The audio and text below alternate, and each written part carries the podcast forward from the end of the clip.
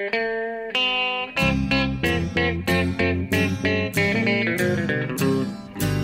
out there, we're on the air. It's hockey night tonight. Tension grows, the whistle blows, and the puck goes down the ice. The goalie jumps and the players bump, and the fans all go insane. Someone roars, Bobby scores at the good old hockey game. Oh, the good old hockey game is the best game you can name.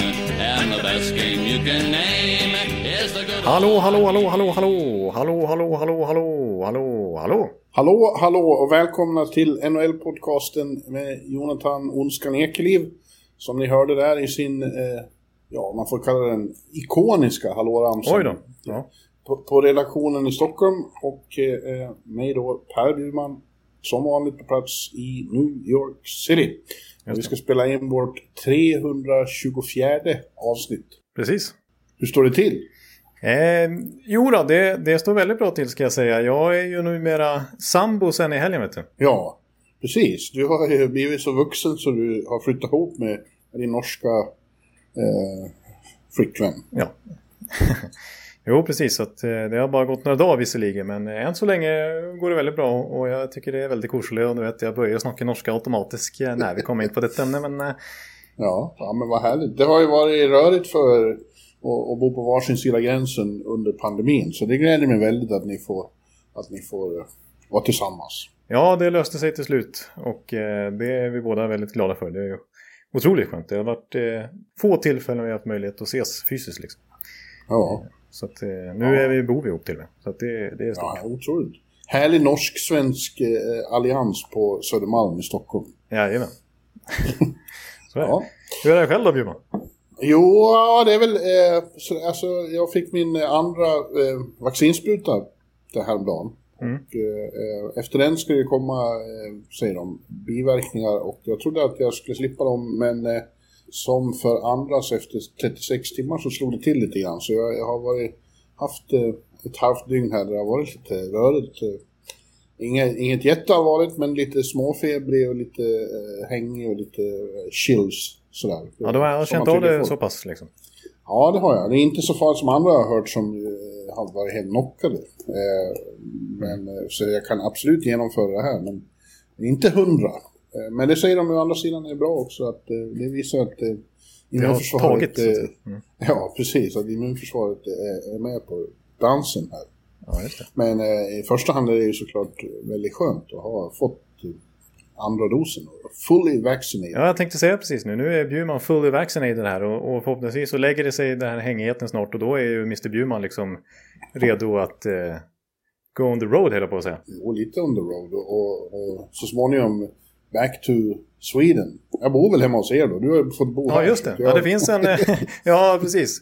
Eh, jag har ju fått bo på kollosoffan. Eller jag har till och med fått äran och du har lagt dig i kollosoffan och så får jag fått hela stora sängen. Så det är väl möjligt att jag och Emily får lägga oss i soffan då. Så får du hela sängen då helt enkelt.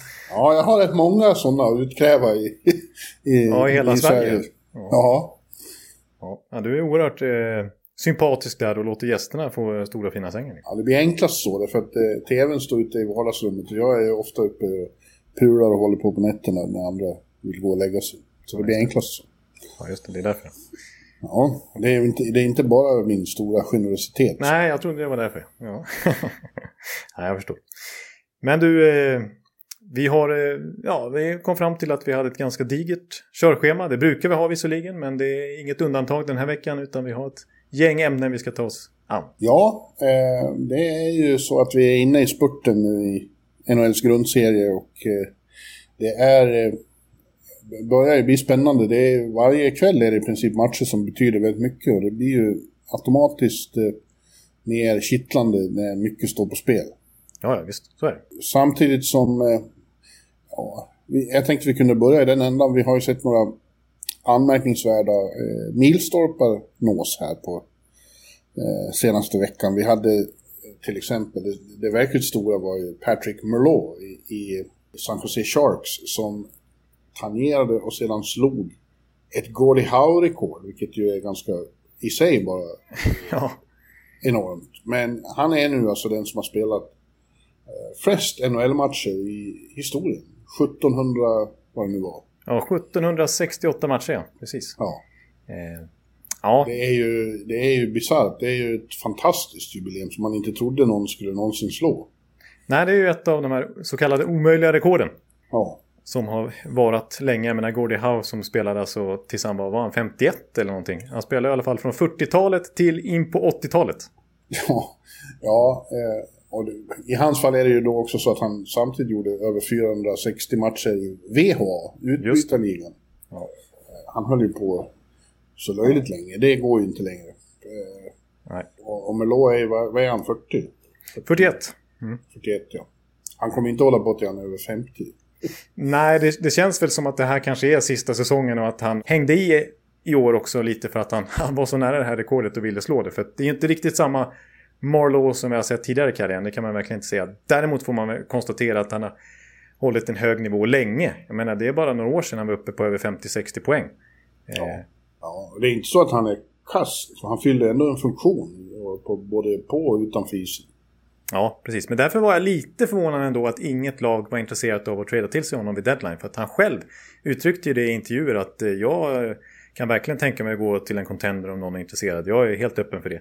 Men det kom ju inget bud till San Jose så han blev ju kvar. Eh, för visst, ja, han har väl gjort fyra mål i år eller något sånt där. Eh, men samtidigt, tänk dig den inspirationen han hade kunnat vara i ett omklädningsrum. Alltså ja. vinna för Morlo och speciellt efter det här. Alltså den här historiska matchen som var mot Vegas häromdagen. Den hade ju varit i den klubben som hade tradat till sig honom. Så det hade blivit extra liksom, stor grej för dem. Liksom, om man hade tradat till sig Marlowe med det här läget. Så jag tyckte det kanske var en miss. Att något lag inte faktiskt snappade upp honom i en push. Här, liksom. Nu ska vi ju eh, framhålla att Sharks är inte borta ur slutspelsracet. Det återkommer vi till. De kan ju gå till slutspel. Det skulle vara jävligt förvånande om de vann. men ja. men eh, de är inte borta.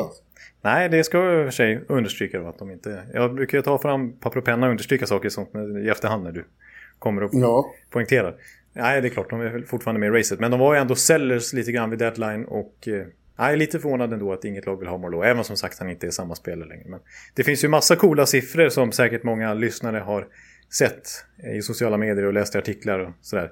Men det är ju värt att dra upp några coola grejer med Marlows karriär. Det absolut mest anmärkningsvärda tycker jag, det är ju att NHL själva har räknat ut här att han har spelat med 38% av samtliga spelare i hela NHL-historien. Ja, det, han spelar med eller mot. Ja. Eh, eh, 38% av alla som någonsin har spelat i NHL i över 100 år. det är faktiskt helt sjukt. Det är alltså över 3000 olika motståndare och 335 olika lagkamrater han haft under de här åren. Ja, ja det är ju faktiskt eh, helt eh, galet. Ja, det är galet. Han har gjort eh, mål mot 33 eh, olika NHL-lag. ja, med tanke på att det bara finns 31 så är det ganska stort. Ja, när han klev in i ligan så var det bara 26. Mm. Så det har hänt lite grann sedan dess. Vilka har han gjort som inte finns längre? Det är Atlanta Thrashers och det är... Vad mer? Ja, det måste ju vara något till lag. Eh... Fanns Hartford på den tiden? Nej. Ja, kanske. När var det 90...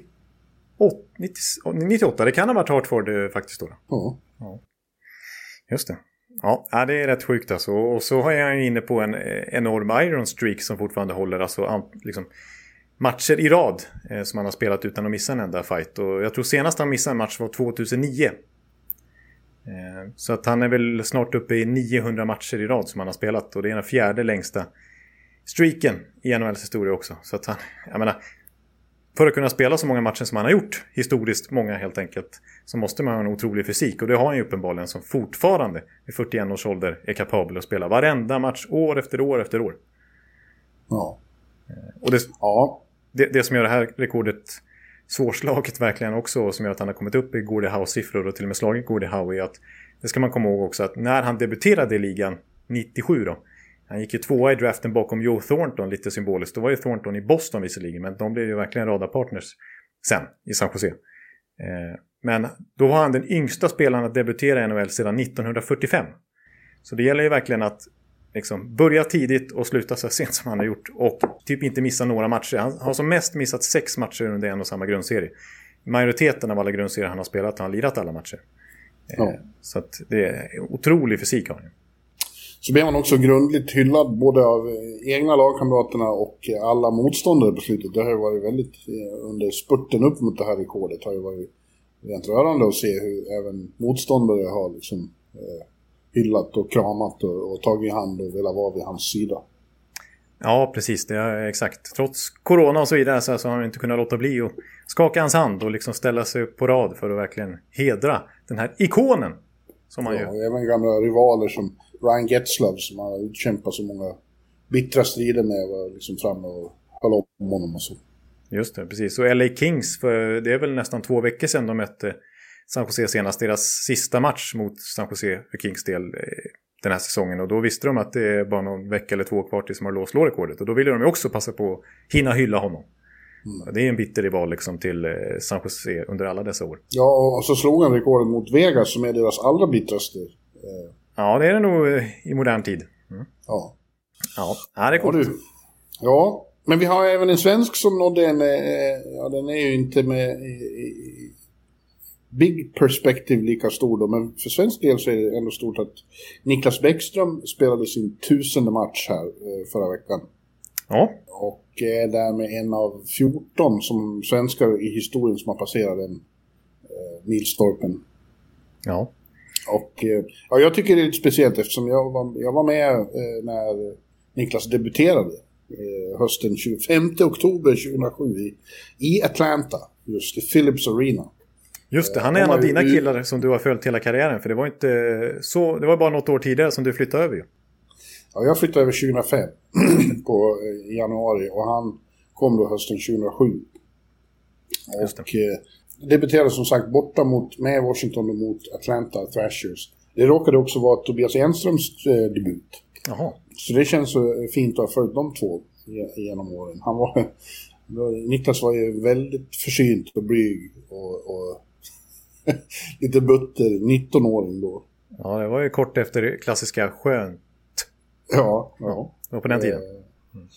Men eh, sen dess har det gått 14 år. Han har blivit klubbikon och är nu alltså uppe i 1000 matcher. Det är eh, fantastiskt. Och det har varit samma klubb.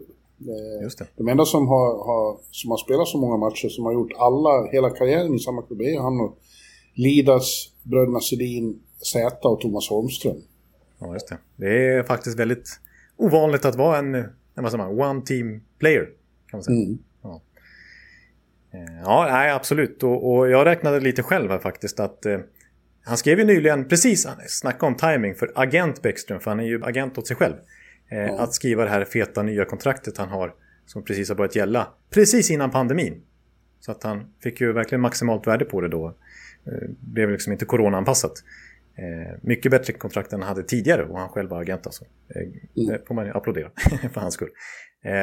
Men skulle han fullfölja hela det kontraktet, vilket ju inte alls känns orimligt med tanke på, vi kanske får prata om, om det igen, hur, hur det känns som att Bäckström kommer kunna hålla en hög nivå över tid här. Men, men gör han det, eh, spelar klart den här säsongen alla matcher och så ponerar vi att han spelar 82 matcher samtliga fem säsonger som, ja, som är kvar på det här kontraktet han är inne på nu. Då slår han ju faktiskt eh, Mats Sundins rekord i antal matcher för svenska spelare i NHL-historien också. Eh, jag räknar ut att han bara behöver spela 85% av matcherna som är kvar på kontraktet. Givet att det blir 82 matcher säsonger för att slå det rekordet. Det är, en... är det inte Lidas som har det rekordet? Är det, ja vänta, ja okej, vänta. Nej, jag, är det, ja det måste ju vara Lidas. Ja, jag blandar ihop med, med, med Lidas. Det är Lidas. Ja. Eh, Sundin har väl poängrekordet och Lidas. Ja, jag hoppas inte jag räknar fel då. Så att jag har utgått från... Jag kanske... Mitt i allt detta, för jag kollade lite på Bäckströms poängantal också och jämförde. Och då, tänk om jag helt enkelt utgick från Sundins poäng då i hela den här beräkningen så att det sket sig totalt. Det känns Lidas, som... Lidas har spelat 1564 ja. matcher och Mats Sundin 1346. Ja, du ser, det sket sig totalt. Okej, okay, men då ser vi så här. Han blir den svenska forward som har eh, spelat mest. Men det, det räcker inte ens med att han spelar 82 matcher resten av kontraktet för att han ska komma upp i Lidas nivå. Som vi spelade till han var 40 bast liksom. Så. Ja, men nu när man har pratat med honom kring det här eh, eh noteringen så har han varit väldigt noga med att det bara är början. Att eh, han är långt ifrån klar. Han känner sig liksom i, i, i sin prime. Fast ja. han har blivit 33. Och, och, det har vi ju nämnt många gånger. Att det känns ju som Niklas kan, kan hålla på. Säkert kan han bli 40. Ja, faktiskt. Eh, apropå att han själv känner sig i sin prime. Liksom. Han eh, har ju aldrig börjat en säsong så bra som han gjorde i år. När han öste in mål och kom ju upp i tio mål snabbare än någonsin har gjort tidigare. Ja. Eh, så att han är ju verkligen fortfarande väldigt bra. Eh, och ja, jag, apropå det här med att, som vi ofta återkommer till, att han inte lever på sin explosivitet eller snabbhet eller skridskoåkning överhuvudtaget, utan det är just hans smartness som är Niklas Bäckström. Eh, jag kommer faktiskt ihåg hans första byte i SHL. Då, eller jag vet inte om det var första byte, det var en av hans första matcher i alla fall. Första gången jag såg honom i SHL. Då var jag med farsan i Scanarinken. För han är ju stor brynäsare, min farsa är från Gävle. Ja, du är ju också lite brynäsare. Ja, jag är lite smygbrynäsare och var ju lite nöjd här med att eh, de klarade kontraktet. Eh, men eh, då kommer jag ihåg att jag såg Niklas Bäckström för första gången och det kan ha varit hans tredje, fjärde match, jag vet inte. Och eh, säsongen efter slog han igenom ett dunder, dunder och brak. Men året innan fick han spela 19 matcher och gjorde 0 poäng. Och jag kommer ihåg första gången jag såg honom då, när han hoppade in på isen. Så första skäret så tokramlade han. Jaha. Han står inte jag ens... Trodde, jag trodde du skulle säga att du såg första bytet. Ah, där har vi en framtida NHL-ikon. Nej, det var precis tvärtom. Jag tänkte, oj, den här hypade killen kan ju inte ens hålla balansen. Och sen så när man väl såg honom, han gjorde 0 poäng den säsongen. Och, alltså det, han såg inte riktigt ut att hänga med i tempot eh, på SHL-nivå då, eller elitserienivå då. Så att, eh, men sen så tog han verkligen fart året därpå. Eh, jag undrar om inte Leif Bork faktiskt var tränare då i Brynäs och, och fick fart på hans karriär. men, jo, det är eh, mycket. Ja. Ja, ja, det har ju blivit en stor favorit Niklas. Som sagt, han var lite trulig då där i, i ungdomen och inte så lätt intervjuad. Han mest muttrade. Men eh, efter några år så var pojken hade blivit man och eh, är idag en en stor favorit att ha att göra med också, Niklas. Han är väldigt... Eh, uh, han har jordnära? Blivit, ja, jordnära samtidigt som han har auktoritet och pondus. Men eh, väldigt generös och, och, och, varm person också, rolig. Jag, jag, tycker, jag tycker väldigt mycket om honom, för att erkänna. Ja, jag, jag, kan verkligen eh, tänka mig det. Och, och, min eh, minimala erfarenhet jämfört med dig med att prata med NHL-svenskar. Jag har ändå vi har gjort några roadtrips och då har jag varit med dig nere i omklädningsrummen. Jag, jag minns mycket väl de gånger vi har pratat med Bäckström att liksom när man ska intervjua NHL-spelare så förväntar de sig naturligtvis att man ska ställa, det är det det går ut på, att ställa frågor om matchen eller det säsongen eller någon hockeyrelaterat. Men ganska snabbt har Niklas Bäckström börjat tjata annat, snacka annat med en liksom. Och, ja, ja. Han, är, han är, tycker det bara är kul att, att snacka lite skit. Ja, absolut. Dessutom var det ju eh, en av höjdpunkterna under hela den här tiden här är ju när, när de äntligen fick vinna Stanley Cup då. Han, han och Ovechkin fick äntligen eh, nå eh, bergets topp efter, det var ju, det vanliga var ju att man var med om trauman för deras del under våren, att de hade gjort fantastiska grundserier och sen gick det åt skogen mm. big time på spektakulära sätt i slutspelet och det var tandgnisslan och gråt och, och, och, kommer det här någonsin att gå? Och så gick det 2018. Ja. Det var fantastiskt att vara med. Ja, ja precis. Det brukar du lyfta fram som ett av dina favoritminnen på andra ja. sidan Atlanten. Men du, för, för, nu ska du få en övergång för, eh, som du brukar gilla. Fina övergångar. Ja, det gillar jag. För, för att komma in i, i nästa segment då. Eh, Just det, ett, ordet segment skulle vi dock eh, kasta. Ja, men nu, nu har vi... Ja, nu blev det så. Ja. Eh, segment, segment, segment. eh, ja. eh, sen några veckor tillbaka så har han ju en ny, lag, eh, ny kedjekamrat. Mm. I Anthony Manta. Eh, som har eh, blivit eh, en riktig succé i Washington. Och vi tänkte att vi skulle titta lite på några namn som, som gick där i samband med trade deadline och hur det har gått för dem. Mm. Och Manta, som sagt, det var ju många som tyckte att eh, vad är det här för trade? Att Washington betalar på tok för mycket till Detroit och så. Ja. Eh, men, men so far so good. Han, var i, han har gjort mål i varenda match han har spelat. Ja, just det. Det har han faktiskt gjort. Han är redan uppe i fyra mål. Ja. Eh, och har kommit in på ett lysande sätt. Och jag, jag, jag, jag ska inte säga vad var det jag sa, men, men jag tyckte att det hade en klar bild av att han underpresterade i Detroit och att och att det fanns naturliga förklaringar till det. Att det är, det är svårt både att, prestera rent allmänt men också svårt att liksom, motivera sig själv eh, när, det, när man är i en miljö där man bara förlorar, där man inte har någon chans. Mm. på, på, på, på, några timmar förändras allting. Han kommer till eh, en contender, han kommer med väldigt bra medspelare, han kommer i en lysande kedja med Beckis och Oshie. Och pang bom, eh, plötsligt får han ut eh, det han ska få ut av sin potential. Ja, ja nej, jag, jag köper det rakt av. Jag fick en annan tanke här nu när du pratade att eh, eh, liksom, när man summerar Bäckströms karriär så är det vissa som påtalar att hans poängantal är det har gått inflation i det på grund av att han spelat med tidernas bästa målskytt, Ovechkin. Liksom. Men samtidigt så är Ovechkin noga med att påtala det och många, de som, de som hyllar Bäckström, att jag menar, det, är, det är en synergi där mellan en fantastisk playmaker och en sån sniper som Ovechkin. Och, och samma sak kan man säga lite grann med en liten sample size hittills med Manta, liksom, att han har inte haft en riktig som playmaker vid sin sida. Nu får han självaste Bäckström till sig och han bara öser i mål direkt. Ja. Det är klart att det är en synergi där mellan Eh, för en sniper att ha en riktigt bra speluppläggare in till sig. Ja. Men han, han eh, kommer in med egenskaper själv också som är eh, bra och som Washington möjligen sa, han är ju en, en stor jävel. Ja, han är enorm. Han är, är 106 kilo. Ja, men, men, samtidigt rörlig och snabb. Det är, det är en väldigt bra tillgång för, för Washington. Ja, det, det, det kan bli en explosion där i, i faktiskt i Manta-utvecklingen. Han var ju en supertalang på juniornivå. Det tog några år och Detroit eh, spelade han ju länge i AHL därför att han var lite valpig liksom. Eh, ja. Men nu när han kommer till en eh, sån etablerad kultur som det är inne i det omklädningsrummet eh, med sådana erfarna spelare som har ringar på sig, liksom kuppringar, så... så Ja, de har de sällan på sig. På ja, det har de visserligen inte. Men det, det kanske märks rent så, inte bokstavligt, men liksom, du fattar. Ja, jag fattar faktiskt. Jonathan. Det Okay. Ja, det jag är inte helt blåst, även om man kan tro det ibland. Nej, det, det, det, det, det, är det inte. Ja, ja det, det, känns ju som den, eh, den, den uh, trade som har uh, fallit bäst ut direkt. Men uh, även Taylor Hall har ju fått ett lyft genom att flytta till Boston, inte helt oväntat. han har inte gjort mål varje match, men han har gjort mål och han har varit bra sedan han kom dit. Ja väldigt mycket bättre än i Buffalo. Men det, och det är ju lite samma sak. Det var ju inte lätt att göra sig rättvisa i ett lag som befann sig som moras, som uh, Sabres gjorde under hans tid där.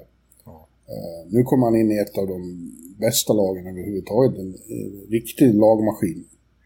Precis, alltså och ja, det tog tre matcher för honom att göra lika många mål i, i Boston som han hade gjort på hela säsongen i Buffalo. Ja. Eh, Ja, och som vi var inne på när den traden gjordes också, lite som med Manta nu att komma till en, en sån klubb med sån etablerad kärna och sån kravställning och så vidare. Att komma till Boston som kanske är ett av de mest extrema exemplen på, den, på det i hela NHL liksom med, med kulturen där och att liksom foga in sig i laget och att man inte ens lönestrukturen där är så låg på stjärnorna bara för att det gäller det är som lagkänsla liksom. Det, det, måste ju vara ny grej för Hall att, att komma in i, liksom en sån grupp. Eh, och inte behöva vara den som leder, liksom, utan kunna foga in sig i det istället. Det går att hävda att det är första gången han är i ett riktigt, riktigt bra lag. Uh, när han var i Edmonton så var ju de uh, på dekis. Ja. Uh, i, i, New Jersey så gick det ju bra en säsong. Han var hard trophy, men då, det var ju mer en, en fluk. Och det hängde bara på honom, eller väldigt mycket på honom, att det gick så bra den säsongen. Mm. Och sen Arizona var ju för kort tid för egentligen dra något Det var en axelryckning och Buffalo var bedrövligt. Och nu är han i ett riktigt, riktigt bra lag för första gången. Och där han inte måste vara the guy. Nej. Nej, det, det, är, det är spännande och jag är inne på det. Mycket smart värvning av Boston. Och som vissa lyssnare efter förra avsnittet har påpekat så är det värt att lägga till då att Taylor Hall hade ju faktiskt en no trade-klausul. Så han kunde ju stoppa trader lite hit och dit och att det kanske minimerade Buffalos alternativ att kunna trada honom och att vi sågade utbytet där lite grann. Ett andra runda val och Anders Björk. Att vi tyckte ja. att han borde kunna generera ett första val trots sin dåliga säsong. Men, men eh, visst hade ju Taylor Hall en hel del att säga till om. Eh, styra. Ja, han kunde styra för styra faktiskt. Ja. Att han hamnade där. Precis. Eh, ja, så lyckat. Lyckat har det också blivit för Sam Bennett eh, sen han kom till eh, Florida. Ja, det får man säga.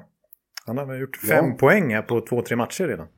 Ja, och senaste matchen var det två mål. Ja. Eh, och eh, ja, man känner väl lite likadant. Även om Calgary har varit bra så har han efter en, en lovande start haft svårt att göra sig rättvisa där också har det känts som att han har liksom fastnat. Fast det finns så mycket kapacitet. Ja, som sagt en gammal eh, supertalang som jag varit inne på gick där fyra i draften precis bakom Dreisaitl och på den tiden var det snack om att Bennett skulle gå före Dreisaitl. Så det var ändå den typen av förväntningar på honom liksom. Eh, men eh, som du säger, det, det har aldrig riktigt lyft i, i Calgary och han har snarare, det är, det är 2014 han draftade så det är ganska länge sedan nu. Liksom. Han, mm.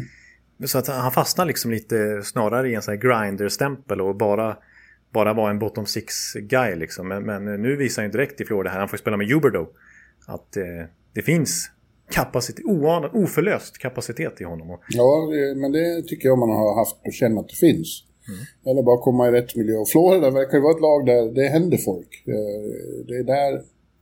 Florida 2021, då... Eh, det förlöser spelare där. Ja, det är så många exempel som man knappt får plats på och båda händerna. Och, nej, precis. Verhage. Ja. Eh, mycket intressant och kul lag. Ja. Panthers. Ja. Apropå Florida och deadline-förstärkningar så är jag inte helt nöjd med David Savard än så länge.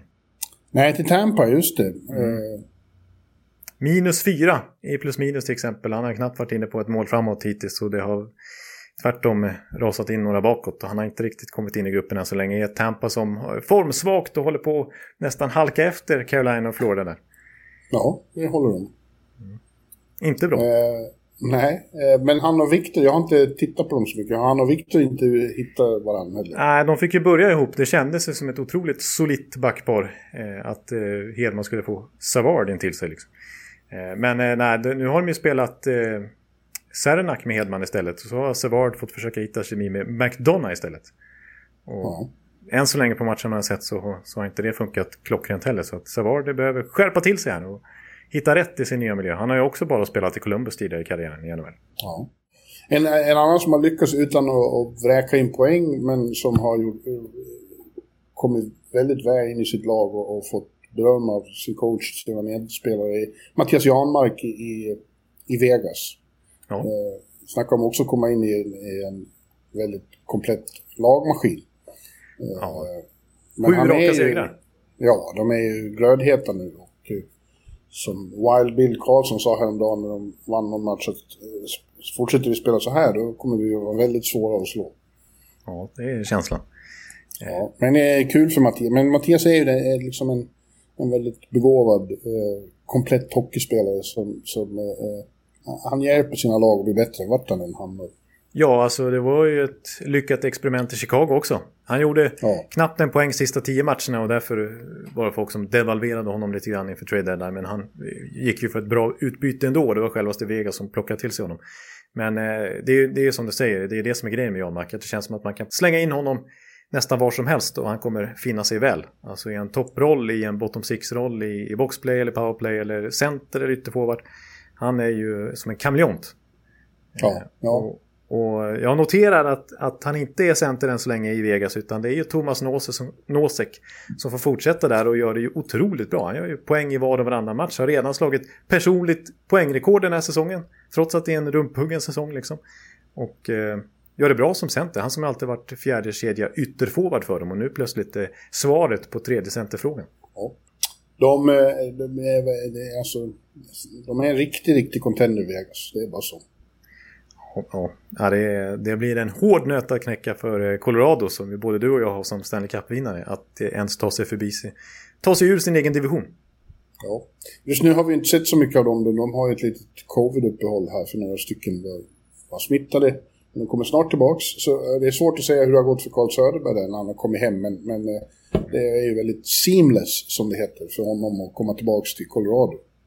Ja, det känns ju nästan som han knappt varit borta liksom. Mm. Eller det kanske märks, men han kommer ju utnyttjas i... De vet ju precis vad de har i honom och han vet vad det är för lag han kommer till. Så det där kommer ju bli bra. Ja. Eh. En, eh, en som vi inte har sett än av de tunga tradeförvärven där är ju då eh, Nick Folino i Toronto. Eh, eftersom han fortfarande är i karantän. Men nu snart så är det väl dags och de behöver nog all hjälp de kan få nu. Eh, Toronto. Eh, för det har inte sett så lyckat ut där eh, under två möten med Vancouver som vi alldeles strax ska komma till också. Men Toronto eh, eh, halkar lite där uppe i toppen av North. Och eh, framförallt så har de problem på målvaktssidan. Vilket eh, efter andra raka förlusten igår mot eh, Vancouver då, Sheldon Keefe, coachen, var väldigt eh, frank med det. Han sa att det, det var ett concern för honom att, ja, Anderson är fortfarande skadad, att både Campbell och Rittich som de då tog in från Calgary har varit mediokra i ett par matcher. Ja, precis. Eh, Rittich eh, släppte in en, ett helt gäng och torskade med 6-3 där mot, mot Vancouver som precis kommit tillbaka från coronauppehåll. Liksom. Eh, ja, faktiskt... det är några puckar som går in, precis som på, på Campbell matchen innan. Så är det några för, för enkla puckar som går in, som, som man inte har råd att släppa in. Nej, precis. Nej, fem raka torsk sen trade deadline faktiskt. De har inte vunnit en match sen dess. Och de som gjorde, ja var det fyra, ja sex spelare faktiskt, men fyra tänkte NHL liksom rakt in i laget spelare som, som de tradade till sig. Eh, ja, jag såg att någon eh, Toronto-supporter skojade om att Nick Foligno, är han målvakt eller? Vi behöver en ny. Eh, nej, Campbells, eh, eh, Campbell som var så bra och satte rekord med 10-11 raka segrar. Eh, han har ju visat sig mänsklig igen. Och, och Rittich mm. har inte blivit någon förstärkning som de hoppades på. Så nu är det plötsligt igen så att Anders känner hoppet lite grann där i, i, i Leafs land där det svänger snabbt. Och han som, det var snack om att han kanske spelat sin sista match i Leafs här för ett par veckor sedan. Eh, nu vill de verkligen ha tillbaka honom så det är konstigt. Men vi får se, det blir spännande att se Foligno i, i ny miljö också. De har två matcher eh, torsdag, lördag här. Det är ju eh, divisionsfin tidiga divisionsfinaler mot Winnipeg. Mm. Uh, Vinner Winnipeg båda de matcherna då, då går de ju, kommer de ikapp och går om Toronto. Just det, då är de till och med förbi Toronto. Och det, de har ju varit fastspikade där i toppen Toronto hela säsongen. Så att, eh, det vore ju lite anmärkningsvärt så här på sluttampen om Winnipeg faktiskt skulle gå ikapp och förbi. Verkligen.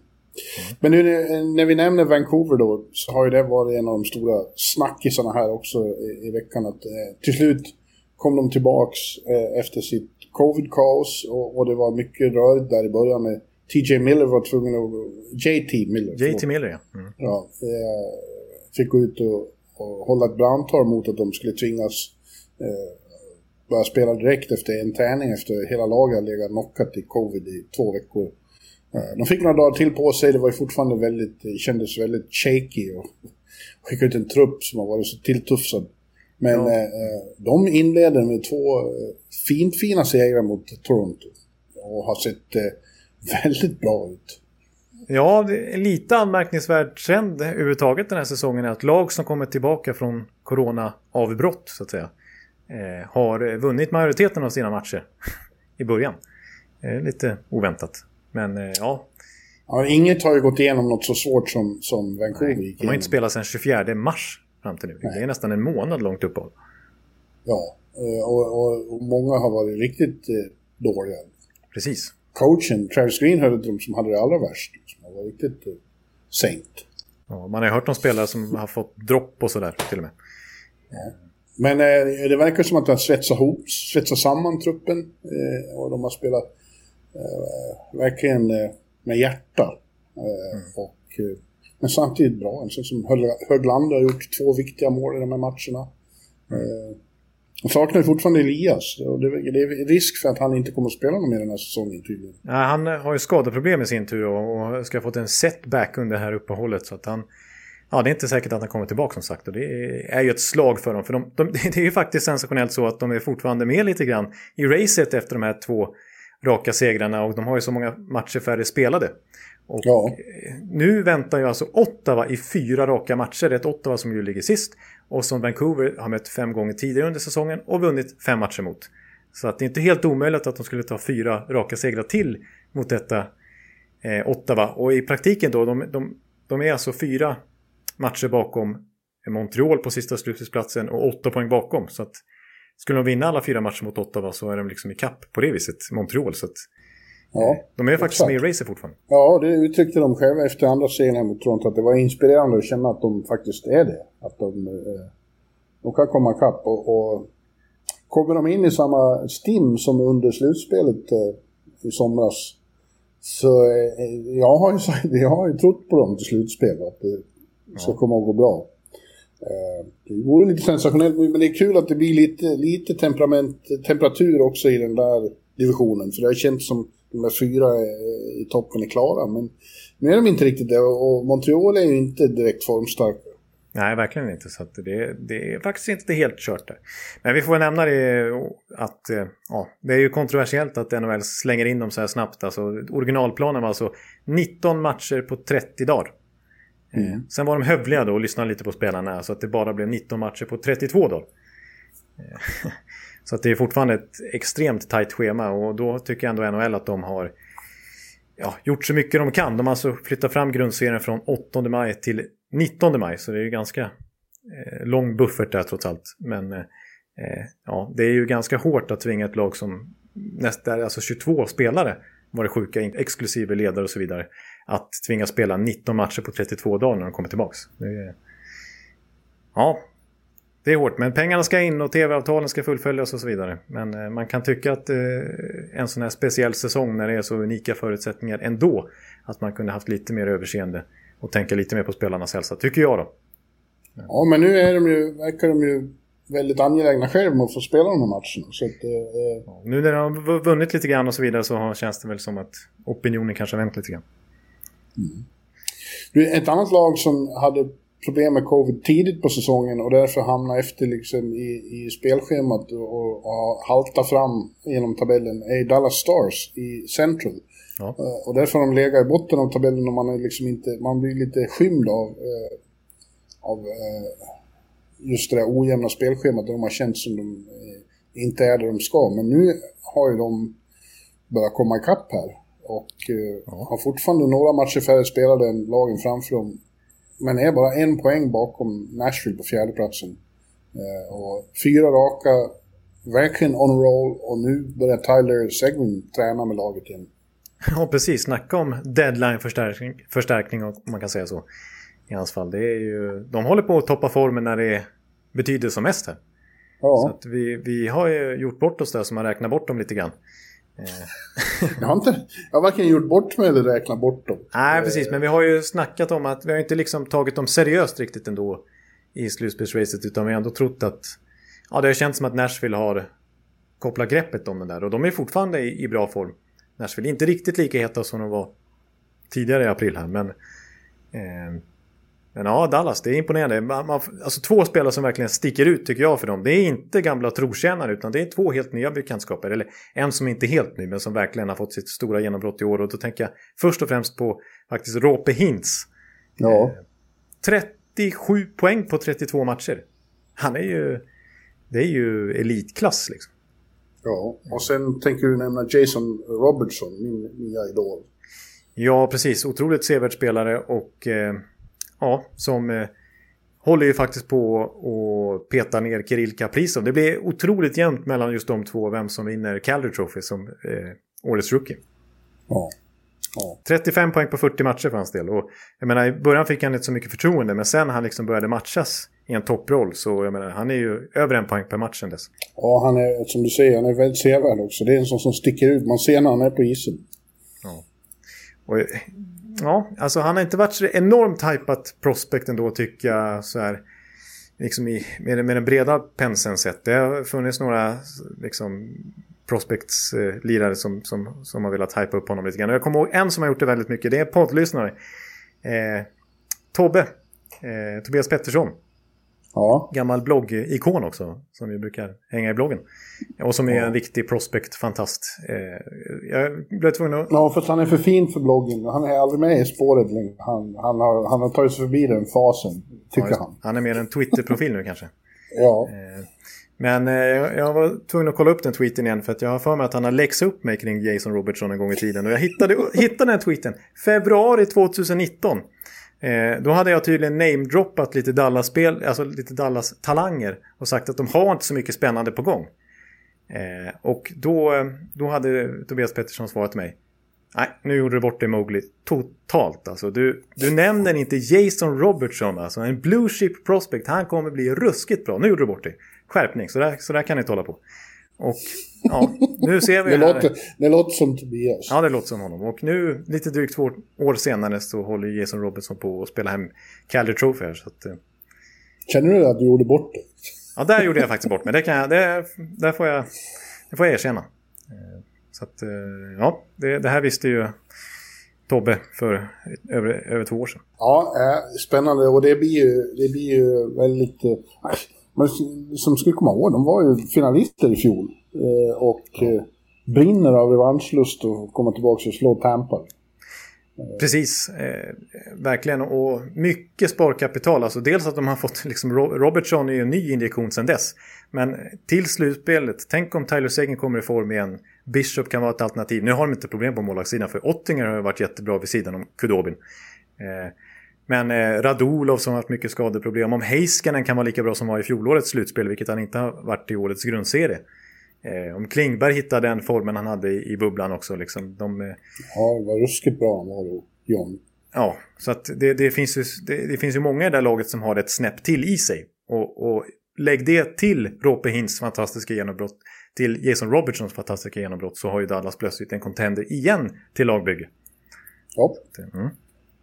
absolut. Eh, det blir mycket fascinerande att se. Det är ju fortfarande ett bra race i väst också där eh, Arizona har tagit tillbaks eh, fjärdeplatsen fast St. Louis har ju tre matcher färre spelade och kommer... Ja, gissningen är att de kommer att ta den även om det är lite vingligt i St. Louis också. Sen är ju inte San Jose borta som jag sa förut. Eh, och det är inte Los Angeles heller nu, eh, noterar jag. Nej, men det känns som att alla de lagen är lite svajiga liksom. Det går ja. inte riktigt att lita på någon av dem. Nej.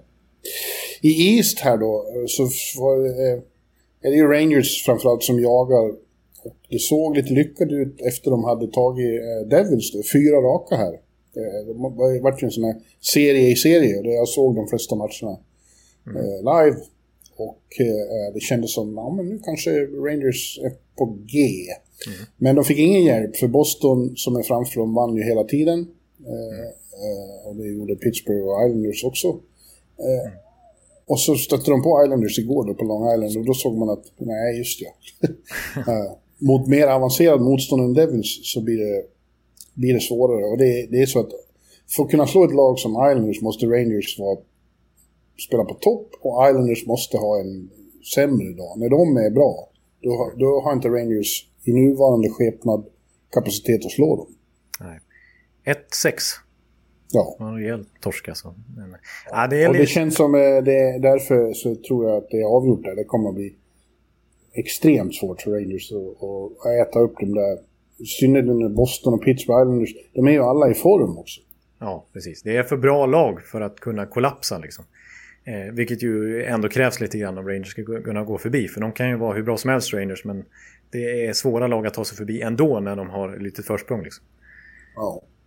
Nej, men annars så, så är det ju ändå stor skillnad på Rangers nu jämfört med början av säsongen. Alltså Zibanejad en poäng per match senaste månaden liksom och, och, och Panarin sen han kom tillbaka från det här politiska breaket så har han gjort vad 32 poäng på 19 matcher och sånt där. Adam Fox håller på att bli Norris Trophy-vinnare och Shesterkin har ju varit bra i kassen och så vidare så det är ju ett mycket bättre Rangers-upplaga nu än i början av säsongen som gjorde att de fick det här långa avståndet upp. Men, Absolut, det är ju så att de kom igång för sent helt enkelt. Eh, Eh, och eh, det är ju en tragedi för dem. Det, det, det är fortfarande, de bygger för framtiden i, i New York. Och eh, det, det, har, det är också inspirerande för dem att många unga killar börjar komma igång nu som Lafreniere och, och Capocaco och Kandre Miller. De är ju bra. Ja, precis. Och det känns som att... Ja, exakt. Det, man märker att det har gått några månader för dem. Och i Kakos fall ja, en och en halv säsong nu liksom drygt. Eh, att, att de börjar känna sig mer bekväma. Och att man kan börja räkna med dem lite mer också. Eh, för att eh, får de den injektionen också utöver deras nuvarande toppspelare, jag menar, då, då blir ju Rangers en contender till slut. Ja, det kommer de ihåg. Devils däremot, med, eh, eh, som sagt, de fick stryk fyra raka där mot Rangers och det måste ha varit en av de värsta veckor deras fans någonsin har upplevt. Inte för att matcherna betydde så mycket, för att det det är ju eh, ren bedrövligt att få stryk mot Rangers en match, tycker de. Ja. Fyra på raken. Ja, det är en eh, sweep i slutspelet liksom. Ja, och nu är då eh, Devils efter det förlorade också mot Pittsburgh igår. En väldigt märklig match. Där de låg under med 6-0 inför tredje och sen nästan kom tillbaka. Så fick Ja, just det. 7-6. 7-6, ja. Eh, Men i och med den förlusten så är de eh, matematiskt eliminerade från slutspelet. Andra laget som blir det, Buffalo är det som tidigare. Så det är morsning och goodbye för Devils redan nu. Ja, och faktum är ju att jag har inte tabellen framför mig nu, men att eh, Buffalo i nuvarande form och Devils nuvarande form så lär väl Buffalo gå förbi Devils, kanske. Ja, ja Devils har sju raka förluster. Ja. Ja. Eh, Ett annat lag som ju är, i princip borta. Och nu kommer vi över i ett sånt här eh, övergång igen. Det är ju Columbus. Eh, de är inte matematiskt borta, men de är borta i praktiken. Och unikt nog så är ju det vad deras coach John Tortorella också är helt öppen med. att Det är kört. Eh, Han, eh, vi såg, både du och jag var lite fascinerade av en intervju vi såg med honom. Han brukar ju vara så sånt asshole han gör intervjuer och korta svar och fräser och, och, och himlar med ögonen om att journalister är så dumma. Men så plötsligt ibland gör han, ställer han upp och gör en riktig intervju. Och det gjorde han häromdagen med, med deras kommentator, eh, Blue Jackets. Eh, och, och det var ju fascinerande att se. Då, då, då är han plötsligt intressant när han, när han ställer upp och börjar prata om saker. Han framstår som insiktsfull, eh, han har intressanta saker att berätta och han är uppriktig. Det är ingen bullshit. Nej, alltså han är extremt direkt och rakt på sak. Och ärlig och säger precis vad han tycker. På ett, eh, och på ett sätt som får en att lyssna lite grann. Ja, och han var ju med, med, med öppen med det att ja, det- här var... Efter några intressanta år så har vi tappat i år. Eh, Och vi måste börja bygga om. Eh, Det har inte alls varit något bra. Han var... Samtidigt som man känns lite uppgiven och man känner att han kommer att lämna Columbus själv. Mm. Men jag, jag reagerar lite på det han sa också att så här, Max Domi har blivit scratchad nu på slutet och var helt i scratch. Och kommentatorn sa ju då att det ja, kanske inte så konstigt med tanke på vilka dumma utvisningar han har tagit på slutet. Och då sa liksom Tortorella, ja men det är inte bara Max, det är, det är allihopa här. Vi, vi är ett lag som har vunnit 15 matcher den här säsongen. Ska vi kräva respekt i den här ligan? Ska vi hålla på och gnälla på domarna och på motspelare och tycka synd om oss själva? Nej, jag vill inte se någon spelare åka runt och gnälla längre. Ja, just det. Det var intressant. Nej, det var ju väldigt... eh, Jag har inte rätt att gnälla, mina eh, andra ledare här i staben har inte rätt att gnälla, spelarna har inte rätt att gnälla. Gör ett jobb nu, försök återfå lite respekt i den här ligan istället för att skylla ifrån er. Nu får vi börja om. Ja. Ja, det är ju storsint och eh, insiktsfullt just. Ja.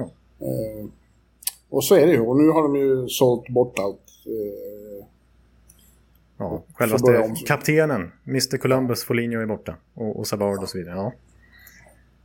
Ja. eh, men det där kommer jag in på då, därför att vi har pratat om att vi ska prata lite coacher här i, i den här sändningen. Mm. och eh, favoriter och sådana vi inte är så förtjusta i. Och grejen med Tortorella är att eh, han är både, både favorit och hatobjekt. Han skulle kunna hamna på båda listorna för mig. ja, precis. För det var inte, vi har ju något avsnitt, eh, jag kommer inte ihåg vad det är döpt till, men något eh, lite negativt kan man säga om Tortorella när du hade en rant där om hans behandling av Line och du var, eh, du var otroligt trött på Tortorella. Ja, men det blir man ju ibland. De- Dels för den där eh, hur han uppför sig eh, på presskonferenser och så, att han är så jävla grinig och tjurig och himla med ögonen och står i. Ja, du har ju haft att göra med honom många gånger i Madison Square Garden ju. Ja, inte jag personligen så mycket. Jag var ju där närvarande. Du Jag bevittnade. vågade, jag vågade aldrig ställa några frågor till honom. Eh, eh, och ibland synen på hockey och på talanger, att han, att han eh, envisas med att- sådana som Line och Gabrick minsann ska eh, vara som alla andra. Eh, och, och liksom eh, kväser deras kreativitet eh, med sina konstiga krav. Samtidigt då som han är eh, en fascinerande karaktär och helt uppenbart eh, väldig kunskap och, och intressanta saker att säga när han gör såna här intervjuer. Och, och man, han är ju en färgklick onekligen och skulle saknas om han inte var med. Nej, precis. Han bidrar ju väldigt mycket till NHL karaktär, alltså underhållningsvärdet på något sätt i hur han är. Och jag har ju naturligtvis en god bild av honom liksom fast etsat långt in i mig efter att barndomsminne liksom med min ålder då att, att han spelade hem en Stanley Cup till Tampa 2004. Det var en annan tid, en annan hockey som spelades då. Eh, men eh, Då var ju Tortorella väldigt effektiv och, och det var han som skapade ett, ett liksom, ja lite som han har gjort med Columbus nu fast på ett annat sätt i Tampa då. Det, Tampa var ju liksom en, något man skrattade åt på den tiden. Hade ju inte åstadkommit någonting i NHL under hela 90-talet och så helt plötsligt kommer Tortorella och gör dem till en Stanley Cup-mästare. Ja. Och Fredrik Modin har sagt att det är den absolut bästa tränaren han någonsin har haft. Så det finns ja. väldigt många olika bilder av honom. Ja, av alla som har, de som inte har hamnat i direkt konflikt med honom säger ju att eh, alltid att eh, han, han, var ärlig, man vet vad man har honom. Han, han har inga favoriter. Eh, stjärnor och komplementspelare behandlas precis likadant utanför isen. Mm. Ja. Han är väldigt eh, rättvis på det viset kan man ändå säga. Ja. Men du, om vi, om vi tittar på det då. Eh, eh du har gjort lite listor där med tränare du gillar och inte gillar. Och jag har i huvudet vilka jag tycker om och inte tycker om. Ja, precis. Eh, vem ska börja då? Ska vi, ska vi ja, börja ska med, börja. Ska vi börja med favorit eller ska vi ta varannan eller hur gör vi? Nej, vi tar de favoriterna först. Ja. Och hur många har du skrivit upp? Eh, ja, det blev fyra favoriter. Mm. Mm. Eh, ja, men jag tar väl eh, först och främst, vilket jag tror är en av dina favoriter också. Det här är ingen skräll för trogna poddlyssnare, men jag säger ju då Rod Brindamore. Ja, absolut. Mm. Absolut. Och, och, bra på, på flera sätt. Mm. Ja, utveckla vad du tycker. Ja, dels så, så har han ju satt prägel eh, taktiskt och hockeymässigt på Carolina. De spelar en väldigt distinkt typ av hockey och ganska eh, egen. Det är ingen annan som spelar som Carolina. Eh, med, med sån extremt ivrig forechecking och sånt ja, överhuvudtaget ettrigt spel hela tiden. Ja. Eh, eh, han, han har verkligen satt sin stämpel på laget så, men han är ju också en, en players coach. Samtidigt som han ju är just så hård och respektingivande som han ser ut så är han ju älskad av spelarna för att han verkligen är en, en kompis. Eh, så varm och, och skapar enormt bra laganda och stämning. Precis, och han är ju lite Mr Carolina också med tanke på att han var där så länge som spelare. Och sen Verkligen. sömlöst bara övergick till att bli assisterande tränare och sen lite oväntat då tyckte man eh, vid den tidpunkten bli huvudtränare utan huvudtränarerfarenhet på någon annan nivå. Men eh, han, är, han är verkligen, hans, hela hans, eller stor del av hans vuxenliv är ju liksom tillbringat där i, i PNC Arena. Ja. Han brinner verkligen för klubben och som du säger, han är liksom lite, han är som en spelare fortfarande på, på sätt och vis också. Han, han gillar ju det här tugget och, och snacka med spelarna och vara liksom lite en del av gruppen och då. Men han har ändå en väldig pondus och tydlig auktoritet och man ser upp till honom. Och Lukas Wallmark kallar honom nästan för farsan. Ja, precis. Eh, så ja, och sen är det ju och det vill jag säga också apropå du sa att de har ett unikt spelsätt. Alltså jag tycker det är coolt att de har en sån tydliga ramar i hur de spelar och är så defensivt solida. Men samtidigt är det ingen som hämmas offensivt i deras spelsystem. Alltså Doggy Hamilton har ju verkligen lyft som back där liksom. Och, och, och många forwards, alltså det, det är ju väldigt många som lyckas i det här laget. Eh, så att samtidigt som de kombinerar en bra struktur eh, liksom defensivt så är de otroligt eh, ettriga och offensiva och roliga att titta på framåt också. Så de kombinerar båda olika delarna. Liksom. Ja. Ja, eh, sen måste vi också nämna, du sa att han ser skräckenjagad ut. Alltså han, han, han är ju otro, han är ett fysiskt fenomen fortfarande. Eh, tydligen så hänger han ju i gymmet lika mycket som spelande, spelarna fortfarande. Han vill vara med på deras tester så här, som spelarna ska klara av innan säsongen. Jag tror första säsongen är 2019 eller om det var 2018 han gjorde sin första säsong så, så var han med.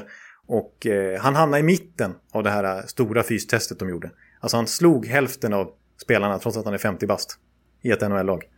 Eh, och eh, ja, han, han syns ofta i gymmet där han inte bara eh, tränar med sin egen kroppstyngd utan han ska alltid ha på sig en 15 kilos tyngd, så här, tyngdväst på sig.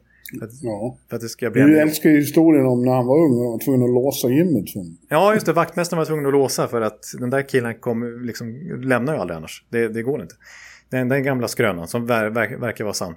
Eh, och eh, Doggy Hamilton har något tillfälle läste jag sagt att eh, nej, jag är aldrig i gymmet samtidigt som Rod. För man känner sig så liten och tanig när han, han är med. Så det är inget kul. Att, eh, han, är, han är speciell på många sätt den är Rod the Bod. Ja. Vill du namedroppa ja, någon? Absolut. Att, eh, nej, jag, jag, vi utgår från din lista så lägger jag till någon om jag har någon som jag vill ha med. Ja. Okej, ja på nummer två då. Eh, ja, eller jag har ingen rang- rangordning så. Jag har inte gått efter bästa coacher heller, utan det är som du säger, det är mer mina favoriter. Liksom. Ja. Eh, och nummer två har jag faktiskt skrivit upp eh, Jared Bednar i Colorado. Mm.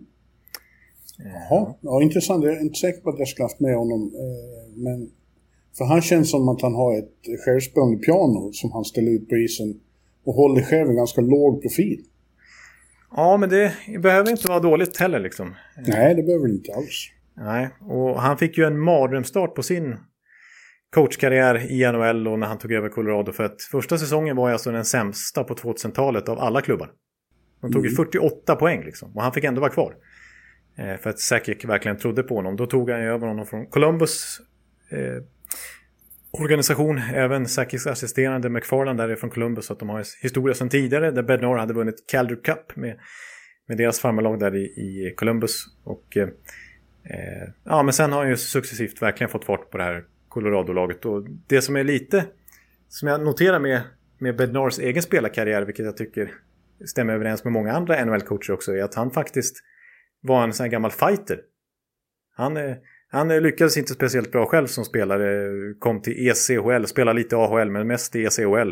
Där han tre säsonger hade över 200 utvisningsminuter och var eh, buse liksom. Eh, och det är som Berube var ju lite sån, Rick Tockett var ju lite sån. Travis Green var ju lite sån. Barry Mm. Trotz innan han, liksom hans ganska mediokra spelarkarriär också visserligen då. Var lite sån. Men, men då är det lite kontrast till hur han är som tränare. För han beskrivs ju som extremt noggrann, ambitiös, målmedveten, kalkylerande. Eh, liksom, man har läst att folk spelar golf med Jerry Bernard. Då är han, som ska, då är han en sån som ska ligga och krypa på greenen hela tiden och, och, och se exakta vinklar och analysera hela. Det är outhärdligt hur, hur ambitiös och noggrann han är. Liksom. Och lite så är det rent taktiskt också. Kopplat till hockeyn, att han är liksom extremt, lämnar ingenting åt slumpen utan väldigt noggrann och så här. Men samtidigt har han lite swagger. Han har en kommunikativ sida som är väldigt bra och, och han har också det här som vi pratade om Tortorella fast på ett helt annat sätt. Men, men är ärlig och rättvis och öppen och det är liksom inga mind games som till exempel Babcock höll på med utan det är han säger om någon har gjort det bra, om någon har gjort det dåligt. Det är liksom ingen eh, inget skumt i kommunikationen utan man, Men swagger tycker inte jag stämmer. Eh, tycker jag inte det? tycker, Nej, jag tycker tvärtom han är väldigt försynt. Ja, det kan, men, men nej, folk som liksom har haft honom så här, de tycker ändå att han har en naturlig karisma på något vis. Okej. Eh, Så, eh, ja. Nej, jag, jag, jag, jag, tycker att det inte är ett självspelande piano han har tagit över trots allt. Utan det är många spelare som, visst man kan koppla så här, eh, McKinnons genombrott till att Duchene lämnade. Det var ju just efter det som han verkligen tog fart. Men det är, det är väldigt många spelare som direkt har lyckats under Bernard. Eh, alltså Landeskog är ju bättre än någonsin här nu. Han spelade ändå i åtta år innan Bernard kom in i princip. Ja, men jag tycker att de är bra på sina egna meriter. Jag tycker inte det är så mycket han. Jag, Nej, nej, nej. han, jag- han, jag- jag- han, skulle inte, han skulle inte vara på min lista. Nej, och jag håller väl Sakic högre än Benar också i den hierarkin om man ska säga. Men, men eh, ja, jag tycker Benar är värd att lyfta fram också här nu. Väldigt populär i Colorado. Eh, som en quickly coach så att man inte bara ska ge all cred till Sakic och spelarna. Okej. Mm. Eh, sen kommer då en personlig favorit ju till mig. Inte så oväntat att jag tar Jeremy Colleton. Nej, just det. Jag trodde du skulle säga, när du sa J, trodde jag John Cooper skulle komma. Ja, det... Ja. Eh, jag kan säga att det finns risk att han dyker upp. Eh, lite tråkigt. Men, ja, men börja med Colleton. Som eh, fortfarande är yngsta coachen i ligan. Har hunnit bli 36 nu. Var han 32 eller 33 när han tog över? Mm. Och ja, vi har ju sett Chicago. Visst, nu har det gått lite trögare på slutet och det slutar väl med att de förmodligen missar slutspel. Men de gör ju en långt bättre säsong än förväntat. Ja. Och, och redan innan den här säsongen när Colleton var ifrågasatt så fick han ju ett nytt tvåårskontrakt av Bowman. Eh, som ändå säger någonting om, om deras syn på honom och, och hans hockeykunskaper och hans ledarskap. Eh, och, och jag kommer ihåg då när jag intervjuade honom inför att han skulle in i AHL. Eh, efter att ha varit i Mora liksom och pratat med Peter Hermodsson, hans eh, klubbdirektör i Mora. Då, att eh, han, de, han blev ju värvad som spelare dit i Mora. Men så han hade ju så mycket problem under karriären med hjärnskakningar. Så att han åkte på en till direkt efter bara tre matcher i Mora. Och så var ju tanken att han skulle ja, han fick ju lägga av och att han skulle åka hem till Kanada igen. Det, blev, det sket sig, Sverige-äventyret. Men så var ju han runt laget några veckor efter det ändå. Och så märkte ju Hermodsson att han är ju överlägset den liksom, kunnigaste hockeymänniskan vi har att tillgå här. Han får, ju bli, han får ju bli coach. Vi kan ju inte släppa iväg honom till Kanada igen. Han, vi får ju använda honom på något annat sätt. Och alla vet ju hans resa i Mora där. Hur, hur, ja. hur duktig ja. han var. Så att, eh, extremt kompetent och eh, väldigt många som har gillat och haft honom som tränare och har att göra med honom som person. Så att, eh, ja, och han, eh, hans, hans liksom, anslag har satt sig i, i Chicago nu. Det börjar bli hans lag lite grann. Ja, jo faktiskt. Nu är det inte... Det är inte riktigt... Alltså, man har alltid haft den här synen på den gamla dynastin. Liksom. Mm. Eh, men nu har det släppt lite grann. Nu har liksom Colleton fått börja bygga på något eget istället för att alltid spegla sig mot det. Eh, och det, det verkar ge effekt nu faktiskt. Eh, så det, är, det är som du säger, det är mer Colletons lag nu. Jag tror också att hans egen spelarbakgrund gör att han har en mångfacetterad liksom, eh, syn på och liksom eh, möjlighet att nå fram till olika spelare. För att själv var han ju en supertalang en gång i tiden. Han skulle ha spelat JVM i samma kedja som Sidney Crosby och Patrice Bergeron en gång i tiden. På den nivån var det, men så blev han skadad i genrepet och då blev det, blev det bara någon match i det JVM. Men så hypad var han. Och sen så hade han ingen speciellt lyckad NHL-karriär, åkte upp och ner, upp och ner mellan AHL och NHL, upp och ner, upp och ner. Sen hade han sina hjärnskakningar, han var över i Sverige en gång och spelade Rögle och åkte tillbaks. Och spelade några säsonger och försökte och så blev han plötsligt stämplad som en föredetting och liksom en skadedrabbad spelare och så vidare. Så han har haft väldigt många stämplar på sig som spelare. Och, och vet, kan sätta sig in i väldigt många olika spelare oavsett ålderskategori eller spelartyp, vilken, ja, vart de befinner sig i karriären. Mm. Att, eh, jag, jag, tror inte att det är till hans nackdel på något sätt utan tvärtom är en väldig styrka. Ja, ja det är en stor Ekeliv-favorit, det hör man. Ja. Du skulle kunna prata i en timme till. Ja, det märktes ju att jag höll monolog här i två, tre minuter och glömde bort tid och rum. Eh, ja. Men nu är jag med han verkar, han verkar ju vara väldigt populär bland spelarna i Chicago också. Även sådana veteraner. Gain tycker väldigt mycket om honom. Ja, bara en sån sak att han lyckats vinna över den kärnan som ändå har tre Stanley Cup-titlar på sitt CV och haft en helt annan typ av coach i, i Quenville. Jo, som jag kanske också borde nämna här. Det är ju en fantastisk... Ja, men gå igenom din lista nu. Ja, jag, tar, jag tar sista, sista namnet då. Eh, och det är ju, har jag redan hittat om att jag vill ju nämna John Cooper då. Och det är så tråkigt val, jag vet. Men jag tycker det är dags. Ja, ja. ja. Mr Smooth Talker i Tampa. Ja, precis. Han, han, alltså... har, han har sina, han har sina eh, belackare. Belackare också, just för att eh, de tycker att han är en eh, advokat, en, liksom en, en, eh, en fake. ja, vilket han ju är. Han är ju en advokat. Han, har ingen, han är absolut ingen hockeymänniska. Han har ju noll eh, spelarbakgrund i princip. Han har lirat lite high school hockey liksom på låg nivå. Eh, så att han är, alltså han är absolut minst hockeybakgrund av alla headcoacher i NHL.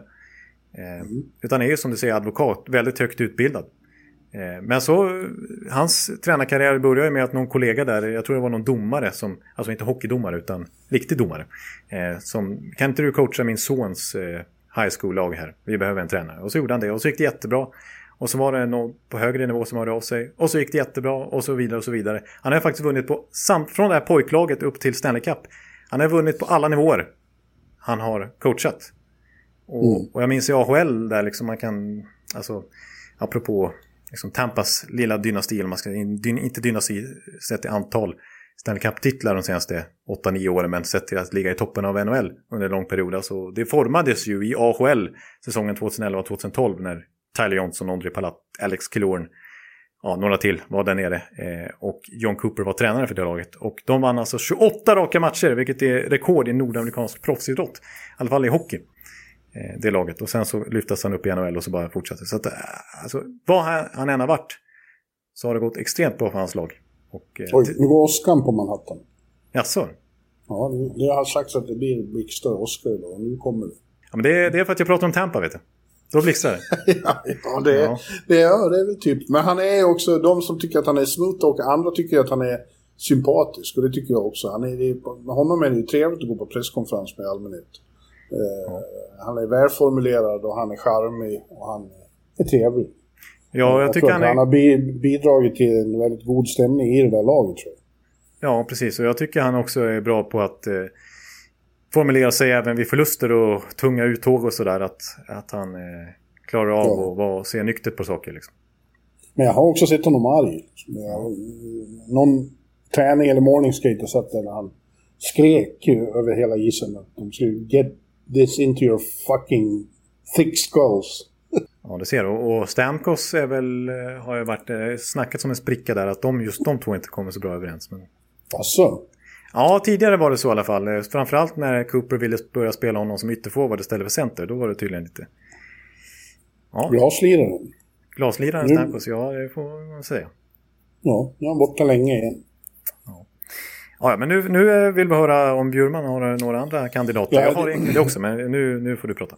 Ja, men jag har väldigt många kandidater som jag tycker om. Jag tycker om eh, eh, Bruce Cassidy i Boston. Tycker jag är en eh, väldigt skicklig och, och, och ja, som mild personlighet. Jag gillar honom skarpt. Mm. Eh, jag gillar, förlåt, Don Granato i Buffalo. Han har ju iscensatt eh, något väldigt fint. Nu är de som sagt borta. Men de har ju börjat spela en helt annan hockey eh, under hans ledning än vad de gjorde med, med tysken. Eh, Ja, Kruger. Kruger. Jag hade en, en eh, lång DM-konversation med Mikael Hübinette som är en stor Buffalo, Ja, svensk Buffalo-supporter. Eftersom han ser dem hela tiden så eh, frågar jag honom om vad den stora skillnaden är. Eh, och eh, hans bild är då att Granata han skrotar Krugers system helt och hållet. Eh, Defensivt eh, präglat system. Ja, nu är det eh, offensivt och, och spelare som Dalin och sådana får fria tyglar och, och det har fått hela laget att liksom blomma ut på ett annat sätt. Det, det är som sagt kört, men, men de tycker jag avslutar snyggt här. Och, och de, vad, vad han säger liksom, det är zone entries med kontroll istället för att bara dumpa pucken och så.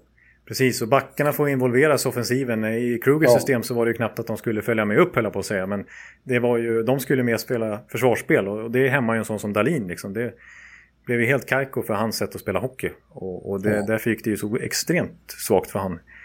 Eh, Jag hade faktiskt en lyssnare som hörde av sig och sa att jag tyckte, hade sett Dalins plus minus statistiken. Minus 32 är ju fullständig katastrof. Ni måste totalt såga han jäms med fo- fotknölarna i, nästa podd.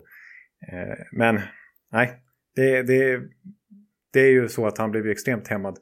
Men hela Buffalo var ju, det var ju en mörk blöt filt över dem.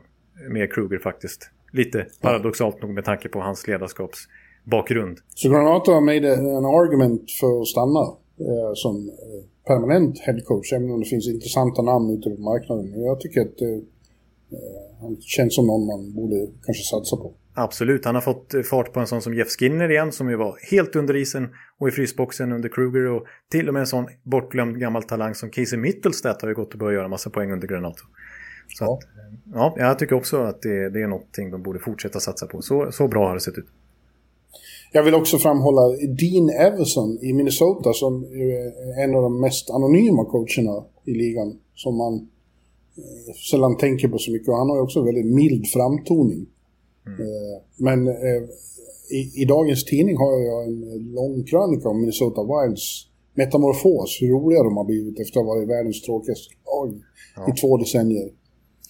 Och, och man framhåller ju mest då de här Caprice, artisterna de har fått in, Caprice och, Zuccarello och, och, och eh, Fjalla. Fialla som är Fialla bra. eh, men det är också så att de får spela ut under den Eversons eh, överinsikt. Eh, han har ju såklart stor del i det här. Jag tycker att han är en Jack Adams-kandidat. Eh, du köper ju inte riktigt att Billy Guerin ska vara GM of, GM of the Year-kandidat. Men Everson kan du väl gå med på? Ja, men det som är lite kul där också. Vet du vem som tog in eh, Dean Everson till Minnesota? Nej, det var väl förstås din förra... förra Ja, det var. Paul Fenton det med, alltså den, den utskrattade.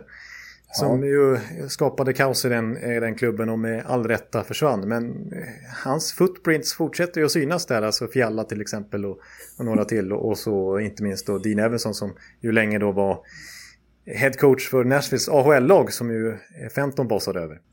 Så det är ju Ja. en riktig Fenton-kille det här. Men eh, som Garen då, ja, det var ju Gerrins beslut att göra honom till headcoach istället för assisterande i Minnesota. Så att, eh, vi ska Gerrin ha cred också och, han har ju lyckats fantastiskt bra med precis det som du nämner att, att eh, förlösa det här. Men han har även Gerrin har fått in killar som, som man trodde var lite slut. Inte slut, men som man inte riktigt kunde placera. Ja, Bjurstad, Bonino, och... Rask, och, eller Rask har ju bara fått igång. Ja, men Marcus. Eh, ja, Marcus. Och, och de har hittat, fått en jäkla fin kemi och så. De, är, eh, de har både GM och coach har gjort det väldigt bra. Ja, nej, men det, det kan jag köpa. Jag kan dra några till som bara, utan att gå in så djupare på det, så är, tycker jag ju väldigt mycket om eh, Peter Bohr. Även om han kan vara en sur typ ibland så är det ju en extremt skicklig coach. Som, eh, det är bara att höra på vad Johan Hedberg säger om honom, hur han har format sitt coachskap i Mora efter, efter eh, De Boers exempel. Mm. Jag gillar ju Tocket i Arizona. Ja. Som jag också tycker är en players coach. Samt, han är lite eh, poor man's eh, Rod Brindamore, tycker jag. Ja, fast han är mer... Det är mer... Ja, jag tycker Rod Brindamore står för en lite mer ettrig... Ja, han är, de har inte samma syn på, på men samma framtoning. Ja, han är väldigt driven. Ja. Mm. ja. Quenville måste ju nämnas i Florida. Du nämnde honom i förbigående. Han gör ju ett storartat jobb där ihop med Uffe Samuelsson. Eh. En av tidernas bästa record. Han var näst mest segrar genom tiderna. Vad det. Ja. Bonus i Dallas är också en favorit. Mm. Eh, John Tortorella i Columbus har vi nämnt. Eh, det är svårt att komma förbi Barry Trotz, även om han inte känns så rolig. Han jublar när det är 0-0 matcher så är det väl hell of a hockey game. det blir 0-0.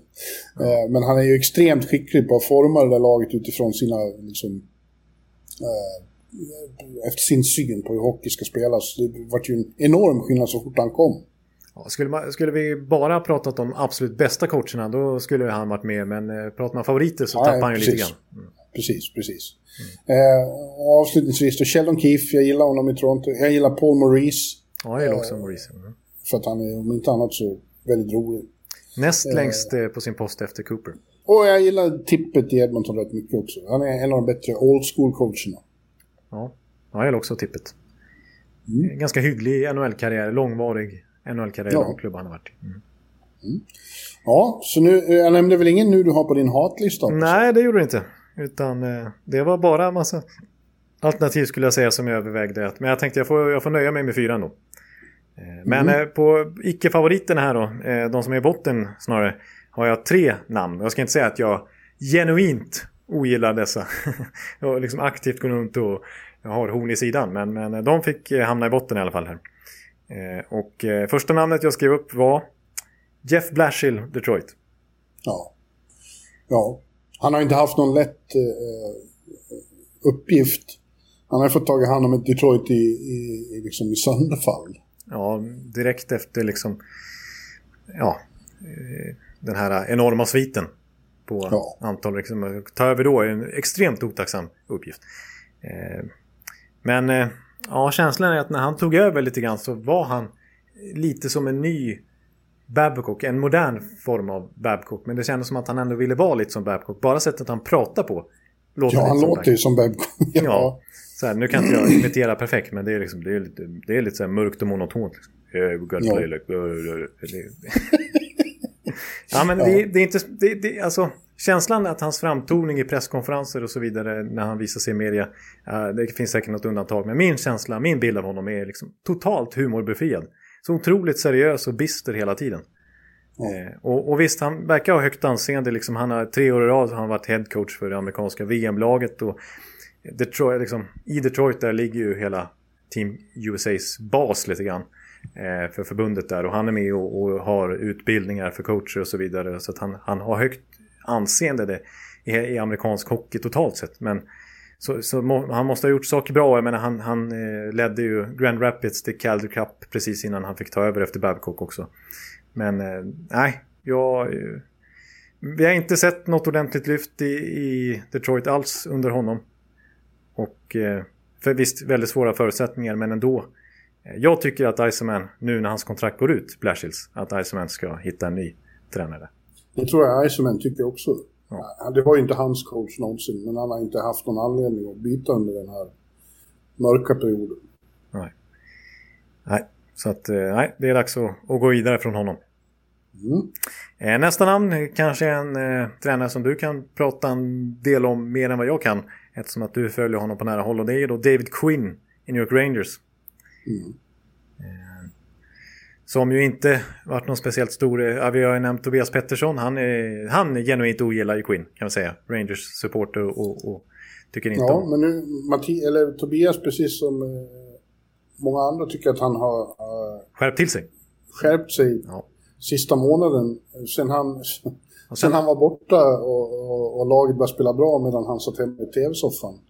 Ja, då... Så är det som att han, eh, ja, han har fått eh, en, en tankeställare att han måste, måste han, liksom, han manage team bättre, som man säger. Ja, det har jag noterat också och, och att fansen har svängt lite grann. Då, så att det, på, den, ja, på det sättet så är det väl eh, positivt att kunna se att Queen har förändrat sig lite och kan Eh, inte är så envis så. Eh. Nej, men jag tycker fortfarande att det här extremt talangfulla laget de har och, och väldigt unga laget skulle behöva en, en bättre coach och ledsagare dem in i framtiden. Det tycker jag definitivt. Jag, jag är lite frågande till klubbledningens väldiga lojalitet mot honom. De, de fnyser när någon säger att de borde byta coach. Ja, precis. Men man såg i, i bubblan där, visst Carolina har ett bättre lag än Rangers i dagsläget och hade det då i, i bubblan. Men då, han blev ju brutalt utcoachad av Rod Brindamore. Ja. I den serien. De hade inte en chans. Nej, det, var det kändes som han var en pojke mot män. Liksom. Han var way over his head. Ja, precis. Och, och visst, han har ju liksom, när han kom in till Rangers så hade han ju ett reputation om att, att han var bra på att utveckla unga spelare. Han kom ju från college då liksom. Ja, fast det där har jag ald aldrig förstått. Eh, bara för att man är bra college-tränare så får man omedelbart rykte om man är bra med unga spelare. Man har ju bara unga spelare. Ja, ja. Man vet inte alls hur det fungerar när de ska blandas med äldre och, och utvecklas på hög nivå. Nej, precis. Och Visst, i år har vi sett enormt, ett enormt genombrott av Adam Fox och vi har sett Keandre Millie göra väldigt bra och sådär. Framförallt är det ju backar då kanske och Shesterkin i kassen som tagit stora kliv. Men det är ju för att, också lite för att de har bytt backcoach från Lindy Ruff till Jacques Lemaire. Mm. Eh, medan framåt sett så, visst vi hyllar dem lite grann tidigare i, i podden här men det finns ju mycket mer att ta av i en Lafreniere, i en Capocacco som ändå har varit i ligan ett tag nu. Eh, alltså Ja, det, jag, känslan att, att David Quinn har gjort ett enormt verk i att utveckla de unga spelarna i Rangers har jag inte sett prov på än. Nej, absolut inte. Ja, mitt, mitt sista namn eh, det är ju det här som jag ogillar att uttala. Då vet vi vem det handlar om. Ja, och Boffner. Boffner, ja precis. För att eh, det är trots allt en familjevänlig podd och det brukar bli fel. Eh, Bob eh, Bogner. Kan man ja, Bogner. Ja, Bogner säger vi. så. Ja, jag, jag håller med. Eh, han är väl inte värdelös, men han är profillös och det känns inte som han... Det känns inte som han bestämmer i San Jose. Det är andra som bestämmer. Spelarna är starkare än vad han är. Ja, alltså... Han hade också väldigt bra rykte när han kom in i ligan och då var det väl i... Han var väl assisterande i San Jose och sen så hamnade han i, i Florida och blev headcoach där för att han hade ju varit jag är själv en gammal NHL-karriär. Fighter, precis som så många andra jag har nämnt. Och han är så hård för busig nästan. Eh, men sen har han ju ägt och varit general manager och coach för ett OHL-lag sedan 2005. Windsor Spitfires och, och vunnit eh, kupper där i OHL och så vidare. Och liksom varit, han har varit hela klubben i princip. Från ägare till att stå i båset. Eh, och, och liksom väldigt driven person. Och, och liksom att det skulle då, eh, han, ja och så spelarbakgrund i NHL dessutom, att han kändes klippt och skuren för att ta headcoachjobbet i Florida. Men det blev ju ingen succé alls där. Och han, nu i San Jose, alltså känslan är att han har inte alls lyckats styra upp något försvarsspel vad han, vad, vad han nu har varit i NHL, utan det har alltid varit lite rörigt. Liksom. Och, och också just det där som du är inne på, att han har inte riktigt lyckats vinna gruppen heller. Eh, så att jag ser inte riktigt storheten hos honom. Trots sitt rykte som han fortfarande verkar leva lite på så. Och han kanske är en karismatisk person när man träffar honom one-on-one sådär liksom. Men eh, eh jag ser inte de resultaten i alla fall.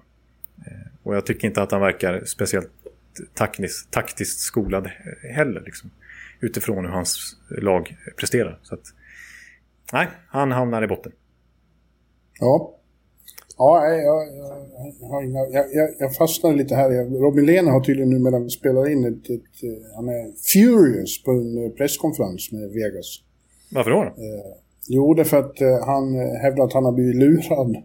Eh, de har tagit vaccinet och eh, eh, han menar att då har de eh, lying to us, forcing us to take the vaccine, unacceptable. Han menar att när de hade gjort det så skulle de få slippa vara isolerade. Och han har väldiga problem med det. Han säger being bipolar, one of the things they'll uh, tell you not to do is isolation. Och han har haft problem med det här tydligen. Jaha, det ser man.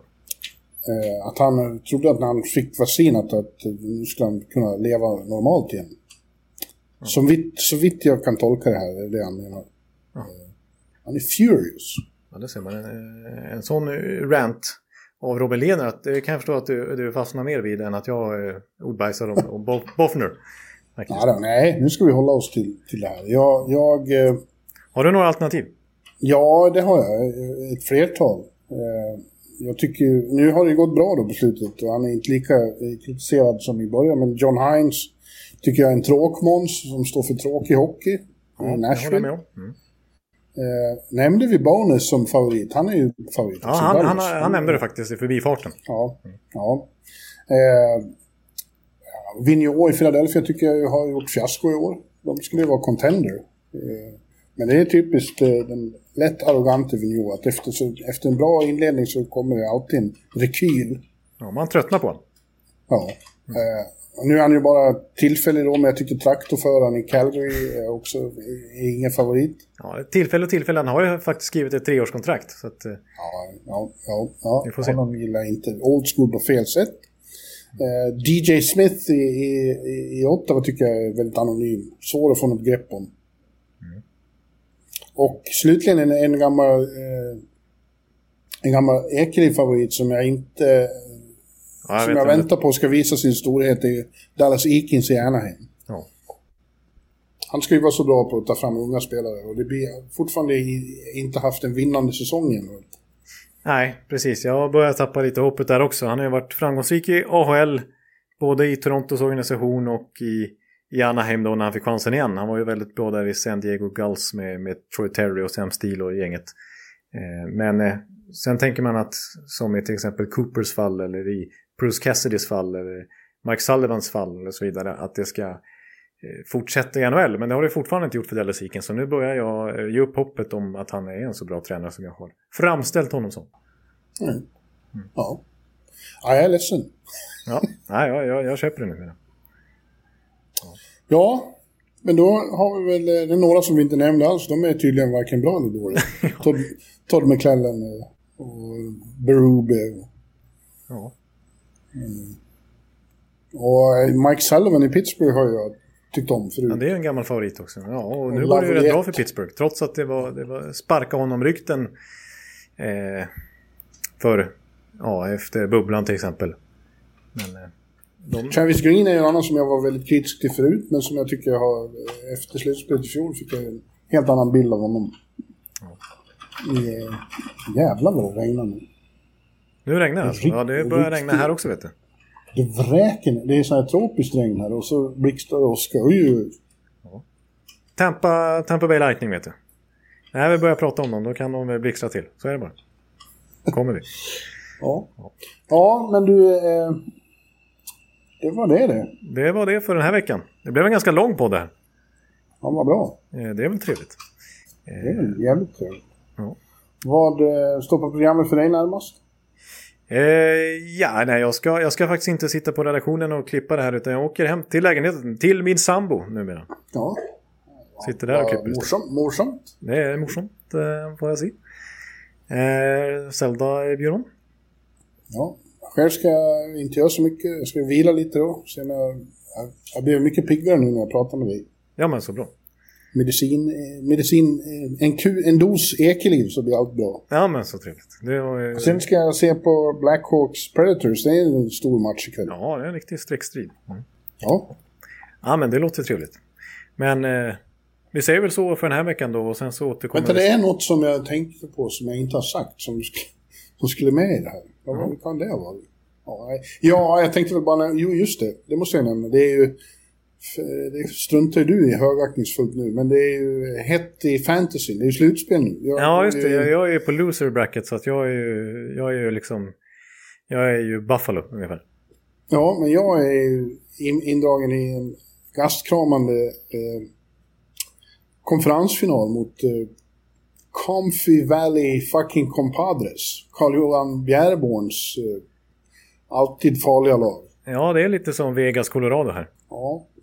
ja, vem är vem då? Jag har många Vegas-spelare så måste jag som är Vegas. Ja, det kanske är precis. Och faktum är att Bjärreborn ledde ju ligan vid eh, coronauppbrottet i fjol. Så han kanske är, han kanske är rent av i Tampa. Ja. Ja, jag, har, jag har William, jag har Pacioretty och jag har Pietrangelo. Det är bra spelare. Ja, ja. ja. Men eh, ja, vi får se. Det står 4-4-2-2 nu. Det är ju otroligt drama faktiskt för oss att följa här. Ja, det blir mycket spännande. Antingen går jag till final eller så är säsongen slut. Ja, det, är allt, det, är, det är nu det gäller att vara klatschby, man vet ju. Ja, Nu Ja, gäller jag det att ska försöka. Ja. yes. ja men det var det om det. Nu, nu säger vi väl tack för den här veckan då, och så återkommer vi nästa. och Säkerligen nya spännande saker att prata om. Det är jag helt säker på. Eh, Yes. att, eh, hej hej säger vi så länge. Hej hej! Hallå, hallå, hallå. Hallå, hallå, hallå.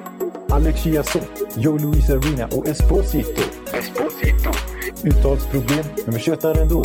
Och alla kan vara lugna, inspelningsknappen är på. Bjuder Hanna Kohl, han är grym i sin roll. Från Kållesoffan har han fullständig kontroll på det som händer och sker. Det blir ju allt fler som rattar in hans blogg. Och lyssna på hans podd. One, two, turn, speed, so Hallå, hallå, hallå.